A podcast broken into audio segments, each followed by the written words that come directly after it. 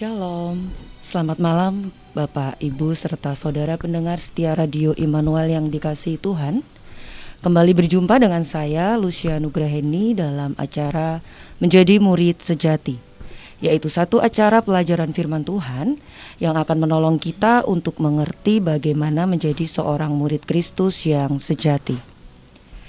Acara ini dipersembahkan oleh Perkantas Solo di Radio Immanuel 94.3 FM setiap hari Senin pukul 8 sampai 9 malam waktu Indonesia Barat.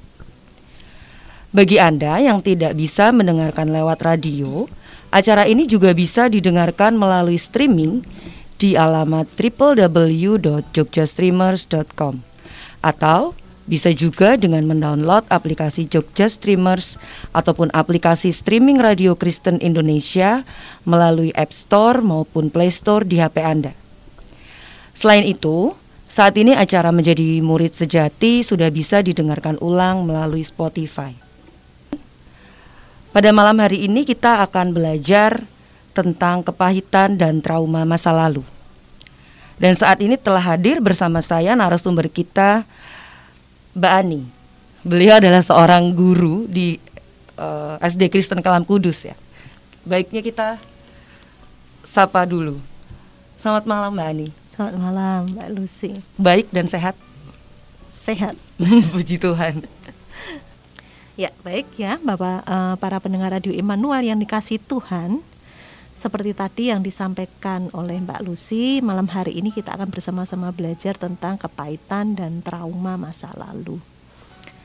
Pasti hampir ya semua orang yang ada pernah hidup di dunia ini ya pernah mengalami satu peristiwa atau pengalaman yang buruk mulai dari hal-hal yang dalam tanda kutip ringan sampai kepada hal-hal yang bisa dikatakan berat. Nah, di mana peristiwa-peristiwa tersebut bisa menimbulkan suatu sakit hati atau luka hati. Nah, contoh peristiwanya seperti apa? E, bisa juga karena ada penolakan pada waktu masa kanak-kanak. Bisa juga karena mengalami perkataan, perlakuan yang menyakitkan ya secara terus-menerus seperti hinaan, makian, penyiksaan, bisa juga juga mengalami masalah dengan orang-orang terdekat seperti diabaikan oleh keluarga, kemudian putus cinta, mengalami perceraian, e, mengalami kematian anggota keluarga dan lain sebagainya. Nah, pengalaman-pengalaman buruk yang dialami itu sangat dimungkinkan untuk e, akan muncul suatu kepahitan atau luka hati ya jadi kalau uh, kita berbicara tentang kepahitan bisa dikatakan itu juga luka hati atau akar pahit ya, itu ada suatu luka yang terjadi di dalam batin kita. Karena suatu peristiwa yang terjadi secara uh, luar biasa dan juga bisa terjadi secara terus-menerus. Nah, kemudian hati yang terluka itu akan menimbulkan suatu kesedihan yang mendalam, bisa juga muncul satu perasaan yang tidak terdefinisikan atau kemarahan. Ada emosi yang tidak terkendali jengkel merasa hidupnya nggak berarti bahkan bisa sampai kemudian muncul keinginan untuk mengakhiri hidup yang pahit itu nah kalau luka fisik ya misal kita ada mengalami satu luka fisik itu kan jelas terlihat ya Mbak Lucy ya gejalanya ya. Yeah. Iya. E, bisa ada darah, kemudian bengkak, memar, kelihatan itu lukanya. Nah, kita bisa cepat-cepat ngobatinya. Mau dikasih betadin atau antibiotik atau wah segala macam ya bisa dibawa ke dokter dan sebagainya. Nah, tapi kalau luka di dalam batin itu itu tidak bisa terlihat secara kasat mata. Kita nggak bisa lihat tetapi kalau luka di dalam batin atau kepahitan itu atau akar pahit itu eh, kemudian kita abaikan ya saat mengalami suatu peristiwa yang tidak menyenangkan tadi eh, kita abaikan meskipun hati kita terluka itu kita abaikan. Nah, maka ketika diabaikan di dalam alam bawah sadar kita atau batin kita itu akan muncul suatu mekanisme pertahanan diri. Caranya bagaimana? Menutup rapat-rapat memori itu. Seolah-olah memori itu tidak terjadi begitu ya. Nah, uh, tujuannya yaitu supaya uh, sebagai bentuk pertahanan diri supaya peristiwa atau trauma yang disebabkan oleh peristiwa itu tidak terlanjut gitu. Tapi ketika uh, kita memendam kejadian traumatik yang tadi ya kita pendam rapat-rapat di dalam alam bawah sadar kita, maka secara tidak sengaja itu bisa terpicu dan muncul kembali. Lah respon yang muncul apa nanti? Respon yang muncul bisa uh, ada penyakit uh, bukan penyakit ada ada ada satu perasaan gangguan di mental ya seperti marah yang tanpa sebab bisa depresi bisa nanti muncul bipolar dan sebagainya. Atau mungkin uh, kadarnya muncul di tubuh kita dalam bentuk penyakit fisik. Jadi bisa nanti uh, mengalami gangguan sakit kepala gangguan pencernaan insomnia hipertensi dan lain sebagainya. Nah kalau kita ibaratkan kepahitan itu seperti suatu infeksi kecil yang masuk ke tubuh kita melalui luka ya. Meskipun kecil tapi kalau tidak ditangani dengan tepat maka akan muncul konsekuensinya. Konsekuensinya apa?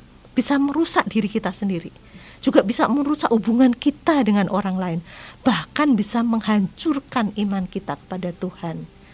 Ya.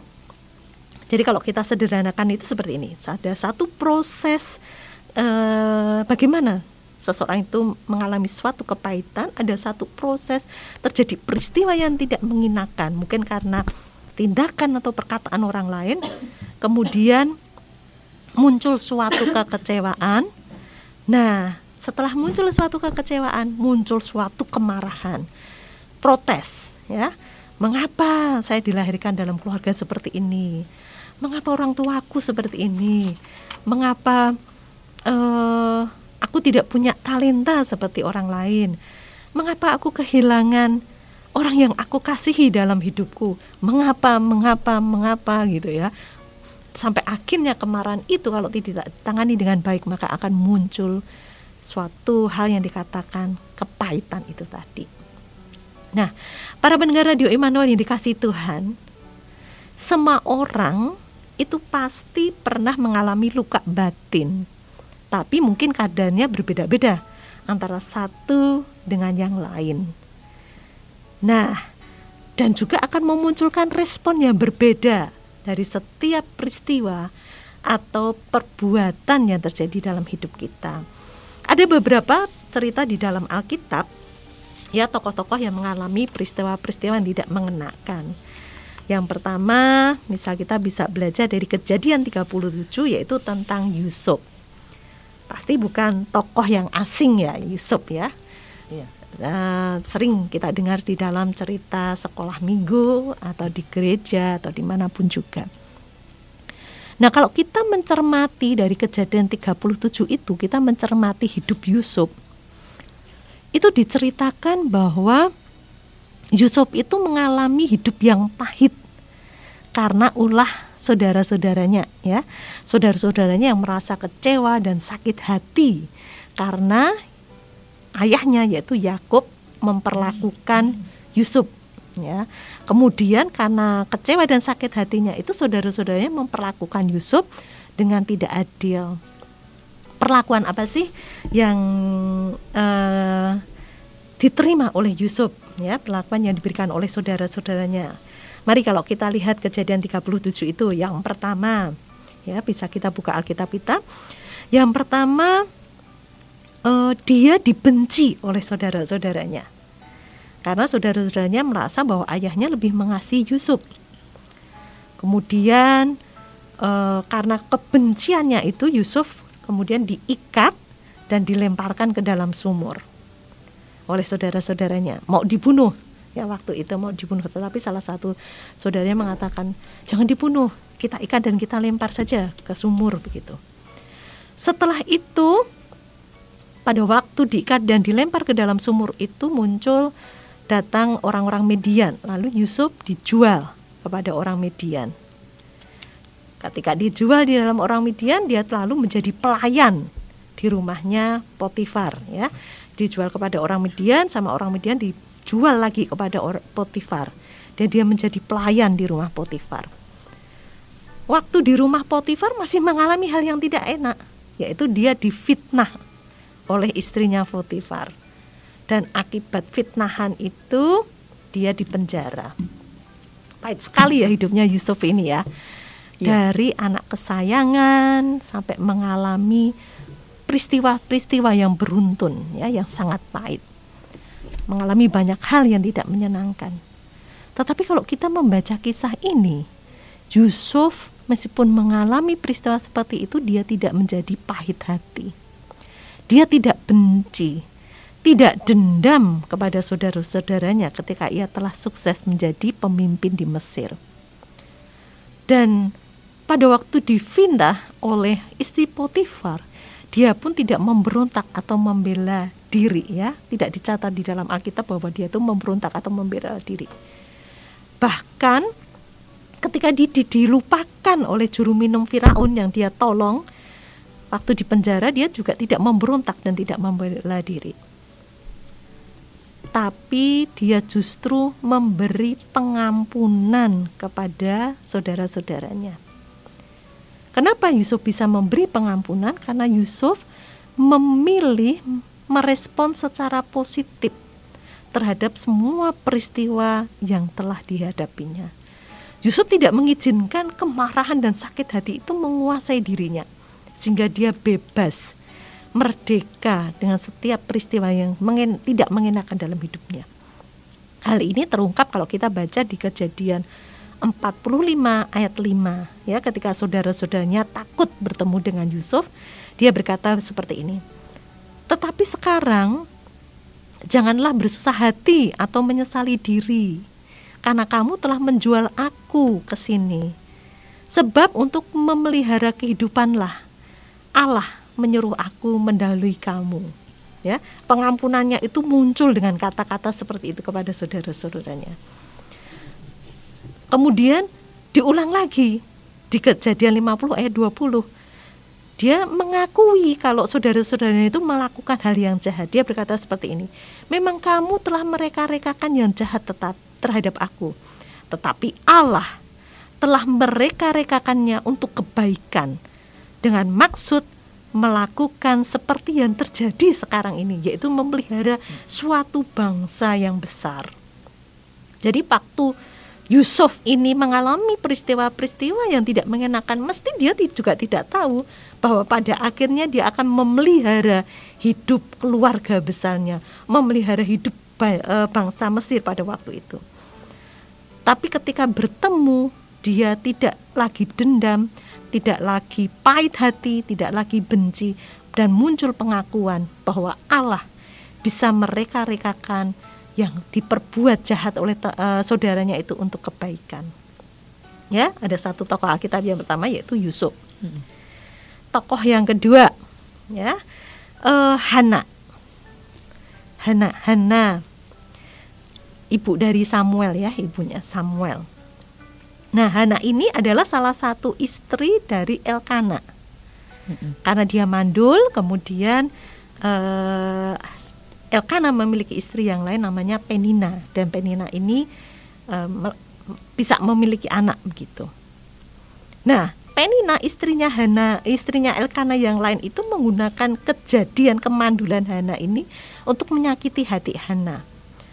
Ya, jadi Hana yang mandul mengalami tekanan-tekanan dari istri Elkana yang lain yaitu Penina dan juga tekanan dari luar pada waktu itu di zaman Israel, Israel kuno, bahwa keluarga yang besar itu adalah berkat Tuhan. Jadi ketidaksuburan, infertilitas itu adalah sumber dari penghinaan dan rasa malu. Bisa dibayangkan ya, dari tahun ke tahun hidup satu rumah atau tidak satu rumah ya mungkin satu komplek gitu ya satu komplek kita nggak dicatat ya nggak dicatat iya. di Alkitab satu iya. rumah tetapi pasti itu dialami oleh Hana dari tahun ke tahun nah pasti berat sekali ya bagi Hana uh, mengalami hal itu. Dan perlakuan Penina itu pas mungkin ya pasti dan akan menimbulkan sakit hati pada Hana. Tetapi Hana tidak tidak membiarkan perlakuan Penina itu membuat dia pahit hati kepada Tuhan. Tapi justru Hana melakukan menggunakan rasa sakit itu menjadi katalisator untuk berdoa. Ya, kalau dicat, nanti bisa dibaca kisahnya di 1 Samuel 1 ayat 12 sampai 30. Hana itu e, mengungkapkan sakit hatinya itu kepada Tuhan dia berdoa dengan serius sekali sampai bibirnya bergerak-gerak diam dengan kata-kata yang diucapkan oleh Tuhan. Dia menangis kepada Tuhan. Sampai Imam Eli yang lihat itu menuduh Hana itu mabuk gitu. Apa perempuan itu mabuk gitu. Nah, eh, Hana tidak lari dari kenyataan itu tidak menjauh kepada Tuhan, tapi justru dia mencari Tuhan dalam kegetiran hidupnya dia mencurahkan semua isi hatinya itu kepada Tuhan dan akhirnya Tuhan menjawab itu dan mengabulkan keinginan Hana untuk memiliki anak. Akhirnya lahir eh, Samuel yang menjadi nabi besar pada zaman Israel itu. Nah, itu dua contoh ya, dua contoh mm -hmm. Alkitab banyak ya sebenarnya yang yeah. mengalami kepahitan, tetapi yang bisa berhasil atau bisa satu teladan mengatasi bersikap kepada hal-hal buruk atau hal-hal yang tidak mengenakan dalam hidupnya. Tapi ada juga ya, saya akan menyampaikan pada malam hari ini satu tokoh lagi yang bernama Yoab. Uh, di kitab 2 Samuel 2, kalau nanti para pendengar radio Emmanuel uh, membuka kitab itu di uh, kitab 2 Samuel pasal 2 dan seterusnya diceritakan tentang Yoab. Siapa Yoab ini? Yoab ini adalah panglima perang Daud. Dia anaknya Seruya. Lalu Yoab ini punya saudara laki-laki namanya Abisai dan Asael.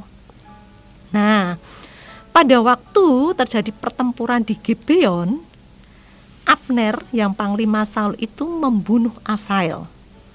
Lalu Yoab yang kakaknya Asael ini menaruh dendam kepada Abner. Dia tidak sembuh dari lukanya.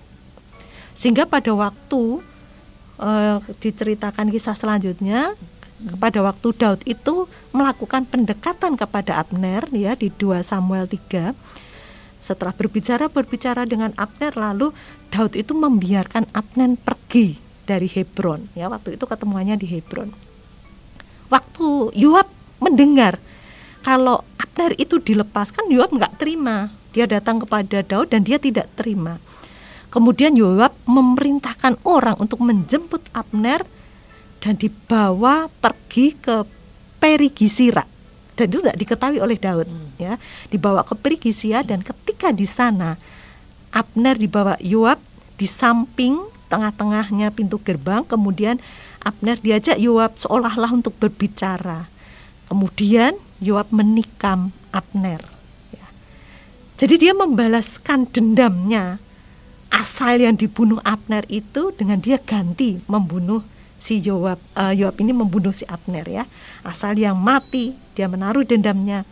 Kemudian melampiaskan dendamnya dengan membunuh Abner ini. Nah, Yoab menyikapi hidupnya yang pahit itu karena kematian adiknya itu dengan menyimpan luka itu. Lukanya itu disimpan. Dan dia mencari celah bagaimana membunuh Abner. Ya jadi bisa dibayangkan bertahun-tahun dia hidup di dalam kemarahan, hidupnya tidak tenang, ya dikuasai amarah dan akhirnya kalau kita baca di kitab-kitab selanjutnya di akhir hidupnya hmm. uh, Yoab ini dipacung ya, mati dipacung karena perbuatannya. Nah, para pendengar radio Immanuel yang dikasih Tuhan, kepahitan atau luka hati atau akar pahit itu bisa dialami oleh siapa pun juga, termasuk juga orang Kristen.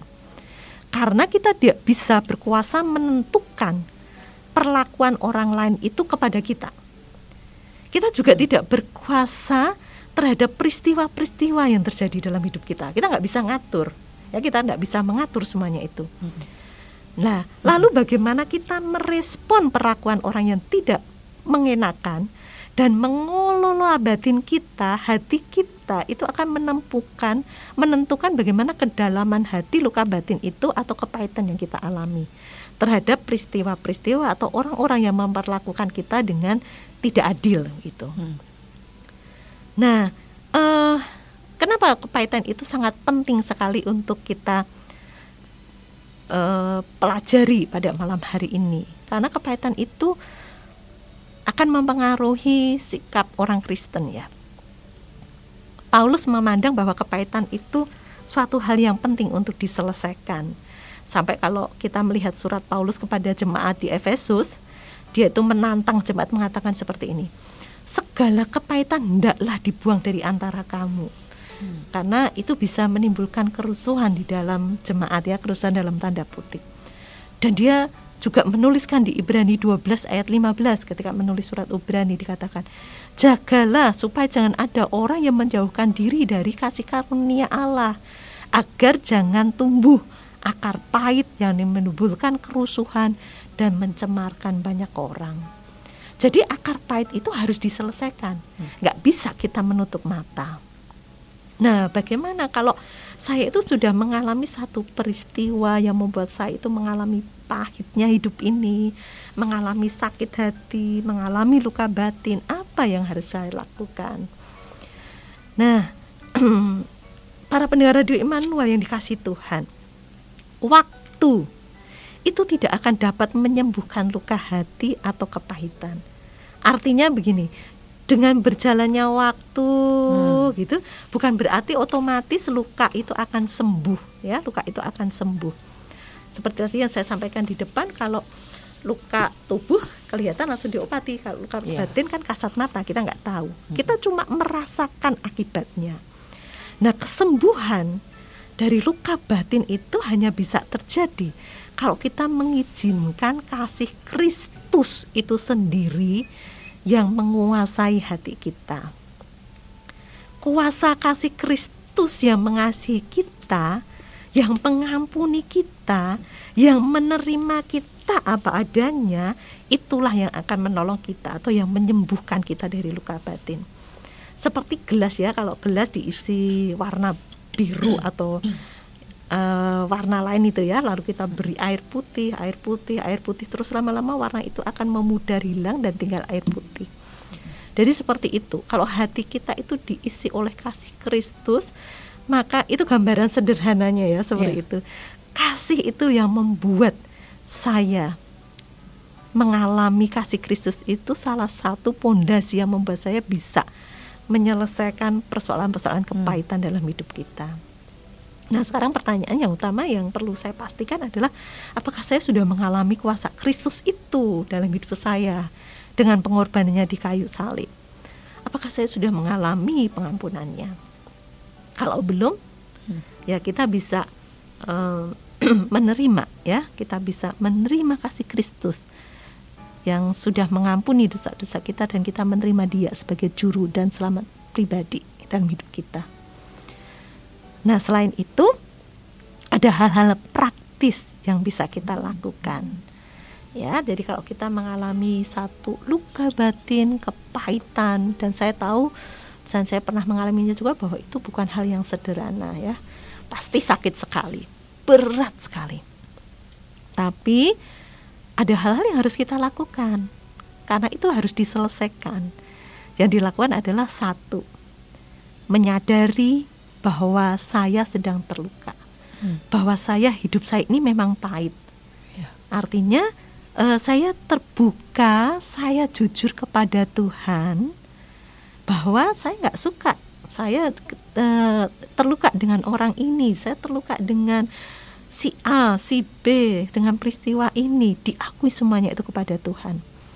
Seringkali justru ketika kita terluka itu kita marah kepada Tuhan, kemudian kita pergi Ya seperti Hana tadi. Hana itu datang kepada Tuhan di dalam lukanya.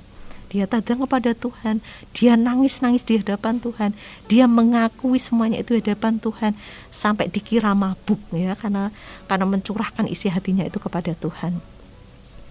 Nah kalau nggak bisa gimana? Sulit, susah untuk mengakui itu. Apa yang saya harus lakukan? Ya tetap datang dan minta kekuatan kepada Tuhan untuk berani mengakuinya. Setelah kita mengakui kalau kita terluka, hidup saya pahit, maka kita berusaha membuang perasaan-perasaan negatif yang masuk di dalam hati kita. Seperti kekesalan, kemarahan, kebencian, pemberontakan dan sebagainya. Karena kalau perasaan-perasaan negatif itu kita simpan di dalam hati kita, maka itu bisa menjadi racun yang mematikan. Yang menggerogoti diri kita sendiri tanpa kita sadari. Jadi katakan kepada Tuhan bahwa saya mau membuang perasaan negatif ini. Kemudian yang paling penting yang harus dilakukan yaitu memberi pengampunan kepada orang yang telah melukai. Ya ini pasti ini satu bagian yang paling sulit. Ya tapi harus dilakukan mau nggak mau harus dilakukan. Kita tidak akan pernah sembuh bila kita tidak mau mengampuni. Karena ketika kita memberi pengampunan, kita tuh dibebaskan dari belenggu kemarahan. Kita dibebaskan dari eh, kebencian-kebencian itu. Dan akhirnya hati kita akan dipenuhi dengan kelegaan dan sukacita. Ada beberapa cara yang bisa dilakukan berkaitan dengan memberi pengampunan kepada orang lain. Yang pertama, eh, kita bisa mempelajari siapa sih yang membuat saya itu sakit hati ya? Kita bisa mempelajari orang tersebut atau mencoba mm, dengan kacamata orang tersebut. Oh mungkin ada kemungkinan nih si pembuat sakit hati itu orang yang masih kanak-kanak pikirannya belum dewasa yang ambisius pemarah gitu atau atau orang yang melukai kita itu orang yang punya latar belakang yang pahit dan itu belum terselesaikan hmm. jadi orang ini juga memiliki luka gitu ya memiliki uh, latar belakang yang pahit tidak selesai jadi dia nyerang-nyerang orang lain itu hmm. juga bisa jadi kita berusaha untuk menempatkan diri atau mengenal, mempelajari siapa orang yang membuat kita itu sakit hati. Sama seperti Tuhan memahami hmm. umat Israel itu ya. Wah, yang 70 ta uh, sudah 400 tahun menjadi budak, lalu 70 tahun menjadi tawanan di Babel ya dipahami ya, dipahami. Mencoba untuk memahami meskipun sulit, tapi mencoba untuk dipahami. Karena sebenarnya orang yang membuat sakit hati itu sebenarnya orang juga yang patut kita kasihani. Oh jadi kita malah harus memahami dulu ya? Iya, oh ya maksudnya memahami itu memahami orang lainnya uh, itu dulu ya. Uh, uh, jadi melihat loh kok, kok dia kenapa ya atau dia punya oh, latar belakang okay. apa ya gitu. Yeah. Nah sama seperti ketika Tuhan ya disalibkan itu bilang uh, ya Bapak ampunilah mereka karena mereka tidak tahu apa yang mereka perbuat. Kadang mungkin dia nggak tahu ya orang yang yang melukai kita tuh nggak tahu kalau dia sedang melukai kita. Hmm. Bisa seperti itu ya kita berusaha mengampuni ya mungkin dia nggak ngerti gitu ya apa yang mereka perbuat gitu. Kemudian yang kedua kalau kita punya hubungan dengan orang tersebut kita bisa membuat daftar hmm. kebaikan-kebaikan orang itu ya bisa membuat daftar kebaikan ini salah satu cara untuk menolong kita bisa memberi pengampunan Kemudian berikutnya ya membangun kemampuan diri untuk mengampuni.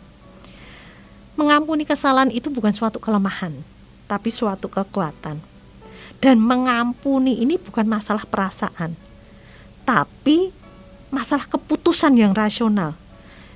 Ya, keputusan yang rasional seberapa kita merasakan kepedihan itu di dalam hati kita. Nah, kalau kita ingin membangun kemampuan untuk mengampuni ini tidak bisa dilakukan dengan kekuatan sendiri, karena kita kan manusia ini lemah ya.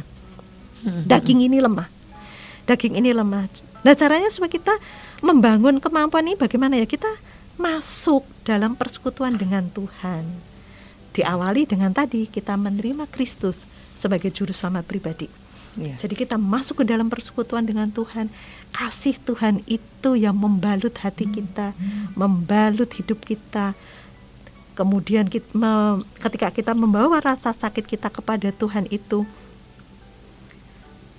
uh, karena kita karena orang itu berbuat salah, karena kita kemudian kita mengakui bahwa kita menerima, ya kita mengakui kalau orang itu berbuat salah sama saya, kita juga mengakui dan kita menerima rasa sakit itu ya seperti Yusuf tadi ya kamu hmm. memang salah kamu jual aku kamu melakukan hal-hal yang tidak baik gitu kan tapi aku menerima itu sampai hmm. akhirnya muncul suatu kesadaran oh ternyata Tuhan itu mereka-rekakannya dan Tuhan itu memang kamu menjual aku. Tetapi kan itu untuk aku mendahului kamu gitu supaya hmm. kau bisa memelihara hidupmu. Jadi dia menerima uh, mengakui kalau orang itu memang salah sama saya. Lalu menerima rasa sakit yang ditimbulkan oleh orang itu. Kemudian meminta Tuhan menyembuhkan hati kita dan memampukan kita untuk mengampuni. Nah uh, para pendengar radio Immanuel yang dikasih Tuhan menyadari bahwa pengampunan yang tuntas akan atas luka batin itu memerlukan waktu ya. Pengampunan itu memerlukan waktu tidak terjadi seketika. Tidak langsung aku mengampuni itu saya jadi sembuh hati saya. Yeah. enggak ya enggak seperti itu. Pengampunan itu tidak terjadi seketika tergantung kedalaman luka itu tadi ya Nah, pengampunan itu bisa digambarkan seperti suatu perjalanan kita di mana kita bisa berulang kali itu tersesat. Kita mengampuni, mengampuni, tapi kemudian melingkar kembali ke tempat semula kalau kita ingat rasa sakit itu. Kita kembali marah, kita kembali sedih, kita kembali nggak terima. Tapi kita menyadari, wah aku harus mengampuni ini, aku mengampuni. Minta, minta kekuatan dari Tuhan kemudian kembali mengampuni lebih sungguh lagi. Sampai lambat laun maju maju maju begitu sampai ke pengampunan yang sepenuhnya. Jadi pengampunan itu harus mendahului perasaan. Dan dengan cara berulang-ulang datang kepada Tuhan maka kita bisa ditolong untuk bebas dari sakit rasa sakit itu. Nah kalau pengampunan itu tuntas bukan berarti kita tidak ingat lagi peristiwa itu. Kita ingat kita ingat peristiwa itu, tetapi kita tidak merasa sakit. Itu artinya pengampunan itu sudah sempurna. Saya kema beberapa waktu waktu saya kuliah saya pernah jatuh. Ada luka jahit ini di di dagu saya. Apakah luka jahit itu hilang? Tidak, masih ada. Dan saya ingat peristiwa itu, tetapi sembuh ya, dipegang-pegang. Kalau waktu masih luka itu ya dipegang-pegang gitu ya sakit, sakit. tapi ketika sembuh ya dipegang-pegang dan tidak sakit. Yeah. bekasnya ada tetapi mm -hmm. saya tidak sakit. Itu artinya pengampunan yang tuntas selesai. Nah dan yang paling penting dari semua itu adalah harus dimulai bahwa saya sudah mengalami pengampunan sendiri dari Tuhan. Jadi kalau saya bisa mengampuni orang lain itu adalah rasa syukur bahwa saya sudah diampuni oleh Tuhan dan itu menjadi satu pondasi yang kuat sekali supaya kita bisa mengampuni orang lain. Ya hmm. saat kita mengingat orang lain yang menyakiti kita terus menerus kita juga ingat bukankah saya juga menyakiti, uh, menyakiti hati Tuhan terus menerus ya tapi dia tetap hmm. mengampuni saya. Jadi pada saat kita bisa mengampuni orang yang melukai kita itu menjadi bentuk penghayatan kita atas pengampunan yang kita terima dari Tuhan. Nah itu tadi kalau kita sudah mengalami ya, tapi gimana ya caranya menjaga hati kita supaya kita itu tidak mudah untuk sakit hati atau tidak mudah merasakan pahitnya hidup atau menyimpan akar pahit. Yang pertama, jangan harap tidak ada orang yang akan melukai kita. Siapa pun itu yang di sekitar kita berpotensi melukai kita, siapa pun itu entah itu orang tua kita, pasangan hidup kita, rekan kerja kita, teman kita, anak-anak kita, bahkan pemimpin rohani kita, atau bahkan orang-orang yang tidak kita kenal. Hmm. Mereka berpotensi.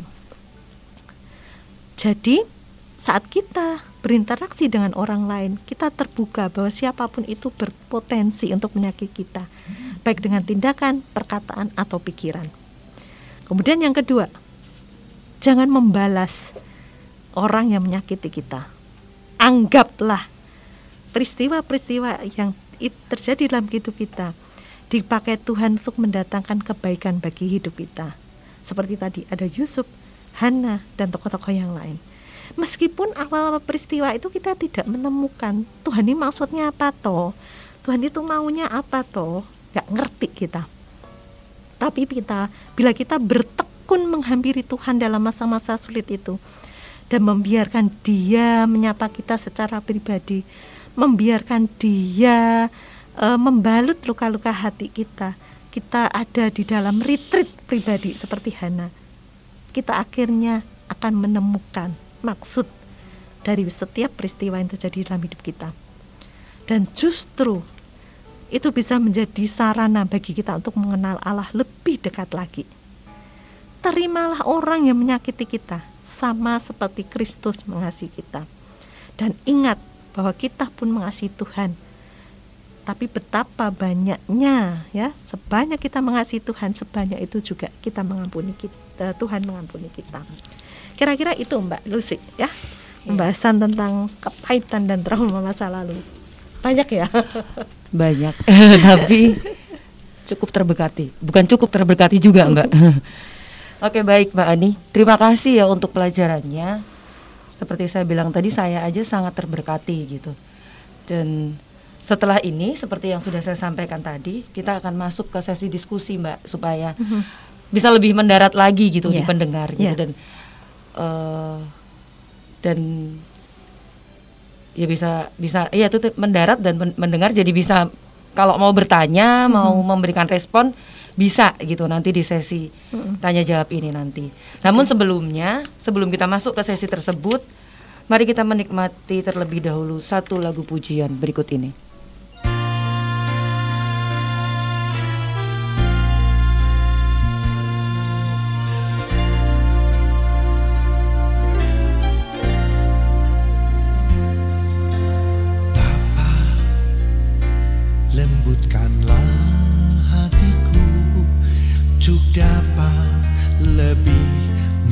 Mengasihimu Bapa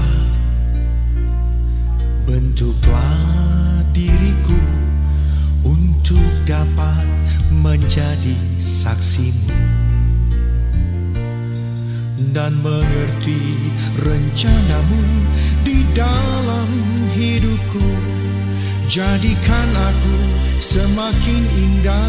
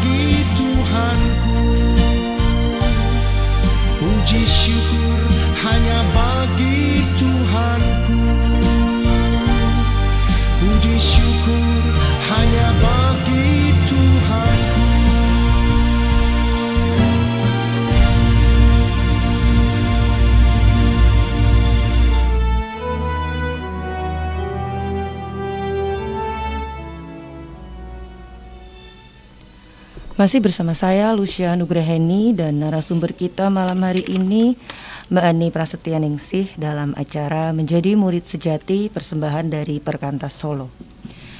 Nah, para pendengar radio sekalian, sekali lagi saya mengundang bagi pendengar yang mau bergabung, mengajukan respon atau pertanyaan bisa mengirimkan ke nomor WhatsApp kami di 08574 3993 111 uh, kita bisa langsung mulai ya Mbak. Ini sudah ada pertanyaan.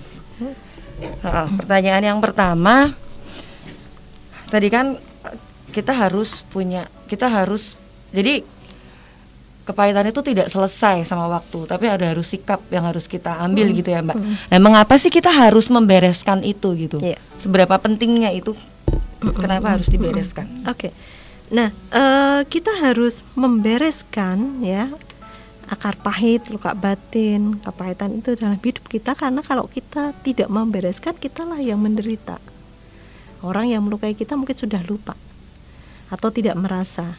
Tapi kita yang akan menderita dan kita bisa memberi jalan kepada iblis itu untuk masuk dalam hidup kita, ya uh, karena akibat kemarahan, akibat ada kebencian itu kan membuat kita nggak nyaman ya biasanya untuk kita berdoa, kita datang kepada Tuhan gitu ya. Karena muncul protes-protes itu tadi. Dan kita bisa menjadi budak budak kepada kemarahan dan rasa pahit itu. Nah, hal tersebut akan mulai menghancurkan kita. Kita akan mulai kehilangan damai sejahtera. Mungkin juga kita akan fisik kita mulai mulai mengalami sakit ya tadi sakit gangguan kepala, gangguan pencernaan karena kita nggak kuat tubuh kita itu nggak kuat menahan itu. Jadi ya harus diselesaikan mau nggak mau supaya hubungan kita dengan Tuhan tidak terganggu seperti Yoab tadi ya. Dia tidak bisa men, tidak menyelesaikannya hidupnya nggak ada damai sejahtera dia dia kemarahan terus kepada orang lain tidak taat kepada Daud yang saat itu menjadi raja gitu kan yang sampai dia melakukan suatu pelanggaran ya dan harus dihukum oleh Tuhan dengan hukuman pancung. Tapi ketika bisa dibayangkan kalau seandainya Yusuf itu masih menyimpan luka itu bertahun-tahun ya atau Naomi ya yang mengalami pahit anaknya mati, suaminya mati juga di tanah sampai dia tidak mau disebut Naomi sebut aku Mara gitu kan. Hmm. Nah itu bisa dibayangkan ya mengalami kepahitan itu kan nggak enak kalau nggak dibereskan. Dan Tuhan juga mengatakan dia itu mau tidak mau kamu harus mengampuni tidak bisa yang lain. Itu satu-satunya cara menyelesaikan. Pasti berat pasti sulit perlu waktu nggak bisa seketika. Mm -hmm. tapi ya itu yang harus dibereskan. Jadi memang sebenarnya buat kitanya ya mbak ya. Buat buat kebaikan kitanya iya, gitu kan bukan maksudnya. bukan bukan untuk orang yang orang yang menyakiti kita. Iya. betul. Oke oke terus ini ada lagi mbak. Sewaktu mengingat kejadian yang menimbulkan luka, pasti akan membawa nuansa hati yang tidak enak, tidak nyaman. Nah, bagaimana caranya supaya nuansa hati itu tidak mewarnai hari-hari kita gitu. Jadi supaya itu ya. nggak ganggu gitu loh, ganggu ya. terus nuansa seperti itu. Itu gimana ya Mbak cara praktisnya? Ya, tadi seperti yang sudah saya sampaikan ya. Jadi peng, memberi pengampunan, melepaskan pengampunan itu seperti berjalan yang kadang kala tersesat orang berjalan ya. Kita sudah memiliki keputusan mendahulukan pengampunan itu kan mendahulukan perasaan. Kita sudah memberi keputusan untuk mengampuni orang itu. Kemudian kita mau coba mengampuni. Tapi muncul lagi perasaan itu ya nuansa. Itu masih marah masih nggak enak. Gimana? Nah kita harus tahu bahwa untuk mengobati luka batin atau hati yang pahit itu perlu waktu, nggak bisa seketika.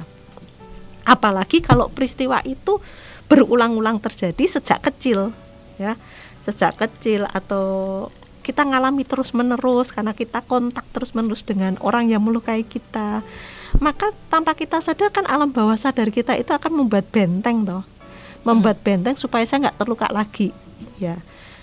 Nah, kemudian uh, ya itu tidak mudah ya tidak mudah. Pasti nggak nyaman sekali ketemu terus orang yang melukai kita gitu ya. Nah kalau bisa menghindar ya memang memang sebaiknya menghindar gitu ya. Tapi kalau seandainya tidak bisa menghindar ya apa? Ya terus disiplin tadi disiplin tekun disiplin untuk terbuka kepada Tuhan tekun terbuka untuk tuh kepada Tuhan seperti Hana tadi ya. Sakit hati datang kepada Tuhan nangis nangis uh, kemudian menyatakan apa yang menjadi lukanya itu kepada Tuhan, minta Tuhan yang membalut gitu, terbuka, mengakui kalau hatinya sakit mengingat itu peristiwa itu. Masih berat untuk mengampuni, ya terbuka, minta, minta supaya Tuhan itu uh, menguatkan kita, memberi kita kekuatan. Kalau kita berpikir mengampuni itu berat ya memang berat, dan Dia ya yang dapat hanya Dia yang dapat memampukan kita untuk mengampuni tapi kalau kita mengampuni orang lain, kita kita pasti akan tetap mengingat peristiwa itu ya. Mula-mula kita teringat rasa sakit itu, bawa kepada Tuhan, kembali bawa kepada Tuhan, lakukan berulang-ulang berulang-ulang saat mengingat nuansa hati tidak enak, berulang-ulang dibawa kepada Tuhan lagi ya sampai pengampunan itu menjadi sempurna. Hmm. Tidak terlalu tidak sakit ketika mengingatnya ya sempurna. Pengamat itu menjadi sempurna. Jadi setia dan sabar gitu ya mbak ya dengan prosesnya itu. Dan ya memang harus nggak bosan buat ngulang-ngulang terus gitu. Oke oke paham. Ini ada satu pertanyaan lagi ya mbak ya. Misal gini mbak kan tadi harus ada proses terus gitu ya.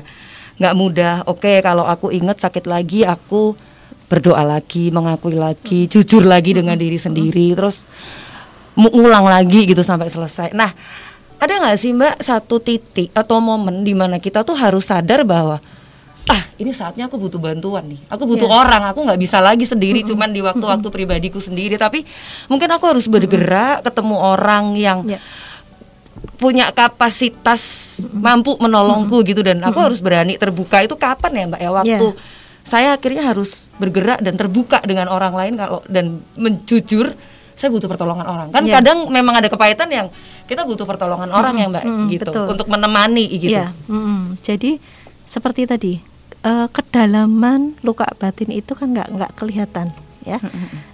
dan itu tergantung seberapa berat dan seberapa ringan perlakuan itu kita terima mm -hmm kadang memang ada satu peristiwa itu yang menimbulkan luka yang sangat dalam sekali.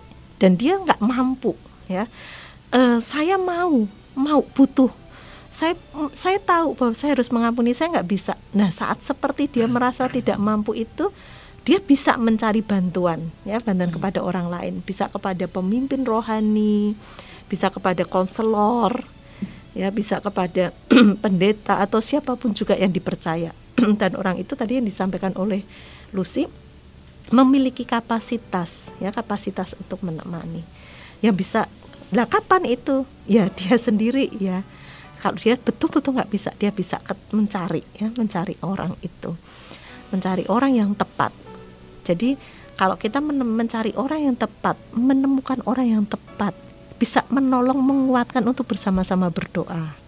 Atau bisa menjadi dalam tanda kutip tempat sampah gitu ya. Mm-hmm. untuk untuk mencurahkan ini isi hatinya. Terus juga bisa menolong untuk berpikir secara rasional dari peristiwa itu. Bisa hmm. seperti itu. Ada kalanya tadi kan harus belajar memahami dari sisi orang itu. Jadi memiliki cara pandang yang lain ya. Hmm. cara pandang yang lain memandang peristiwa itu mungkin bisa seperti itu. Jadi kalau bisa diselesaikan sendiri itu akan lebih baik. Tapi ketika ketika e, peristiwa atau kepahitan akar pahit itu sangat menekan hidupnya sampai sampai mau bersekutu dengan Tuhan tidak bisa sampai mau sesek ya membuat hidupnya sangat sesak sekali kesehatannya menjadi terganggu ya mungkin itu menjadi salah satu warning ya dia harus ketemu dengan orang lain hmm. ya harus ketemu dengan orang lain cara cari ya siapa yang bisa untuk untuk atau kalau menolong. tadi di pembahasan Mbak Ani bilang mungkin ada yang sampai bikin mau bunuh diri gitu mungkin yeah, itu saatnya yeah. dia butuh pertolongan juga ya mbak. Yeah. Tapi biasanya kadang orang nggak aware dengan. Nggak aware ya. Hmm. Oke. Oke oke.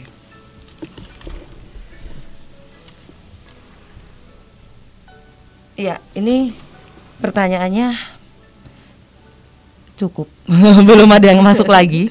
Nanti kalau ada yang masuk sekali lagi saya mengundang mm -hmm. untuk para pendengar bisa mengirimkan pertanyaan atau respon ke nomor WhatsApp kami tadi Saya ulang lagi di 08574 3993 111 gitu. Kalau misalnya sekarang belum uh, muncul pertanyaan atau nanti ketika kita sudah tutup sesi ini dan ada pertanyaan masih diperbolehkan untuk oh. mengirimkan WhatsApp. Mm -hmm. Nanti kita akan respon setelah acara mm -hmm. ini melalui WhatsApp juga gitu. Mm. Baik para pendengar yang dikasih Tuhan, uh, pembahasan pelajaran firman Tuhan kita malam hari ini sangat menarik. Namun kita tetap ada keterbatasan waktu yang membuat kita sekarang ada di penghujung acara dan harus mengakhiri perjumpaan kita malam hari ini. Tapi sebelum berpisah, kita meminta kepada Mbak Ani untuk memberikan satu kesimpulan dari pelajaran firman Tuhan kita hari ini, lalu kemudian nanti bisa meminta sekalian ditutup dalam hmm, doa. Baik, silakan Mbak Ani. Ya, para pendengar Radio Emmanuel yang dikasih Tuhan, ya berkaitan dengan kepahitan dan trauma masa lalu. Satu hal yang harus terus-menerus kita sadari bahwa setiap orang yang ada di sekitar kita siapa pun itu yang berinteraksi dengan kita, mereka berpotensi untuk menyebabkan luka batin atau kepahitan dalam hidup kita, atau trauma-trauma dalam hidup kita, baik itu melalui tindakan, sikap, dan perkataan. Kita tidak bisa memilih dengan siapa orang akan Eh, peristiwa-peristiwa yang terjadi dalam hidup kita. Kita juga tidak bisa men mengatur bagaimana orang itu bersikap kepada kita. Tapi bila kita mengalami peristiwa-peristiwa yang menimbulkan luka, ya, menimbulkan kepahitan hati, hanya ada satu-satunya cara untuk sembuh yaitu dengan melepaskan pengampunan. Meski itu tidak mudah dan pasti tidak nyaman tapi pengampunan yang tuntas itu memerlukan waktu, diperlukan kedisiplinan dan kesabaran. Jangan takut, Tuhan yang sudah mengasihi kita dengan mati di kayu salib, Dia juga yang akan menyembuhkan luka batin kita. Bagian kita hanya datang kepada Tuhan secara terbuka, mengungkapkan apa yang menjadi berbicara dengan terus terang apa yang menjadi luka, uh, yang kita rasakan dan meminta kekuatan dari Dia untuk belajar memberi pengampunan bagi orang lain. Kita tidak akan bisa memberi pengampunan kepada orang lain sebelum kita mengalami pengampunan Tuhan dal atas dosa-dosa kita. Jadi memberi pengampunan kepada orang lain itu menjadi satu bentuk penghayatan kita akan pengampunan Kristus kepahitan harus diselesaikan. Kalau tidak, itu akan merugikan diri kita sendiri dan mengganggu di dalam kita berhubungan dengan orang lain, dengan Tuhan, dan juga dengan diri kita sendiri. Demikian tadi Bapak, Ibu, serta saudara pendengar setia menjadi murid sejati. Pelajaran kita malam hari ini telah berakhir. Tapi jangan lupa kita akan berjumpa lagi minggu depan tetap di hari dan gelombang yang sama. Selamat malam dan Tuhan Yesus memberkati.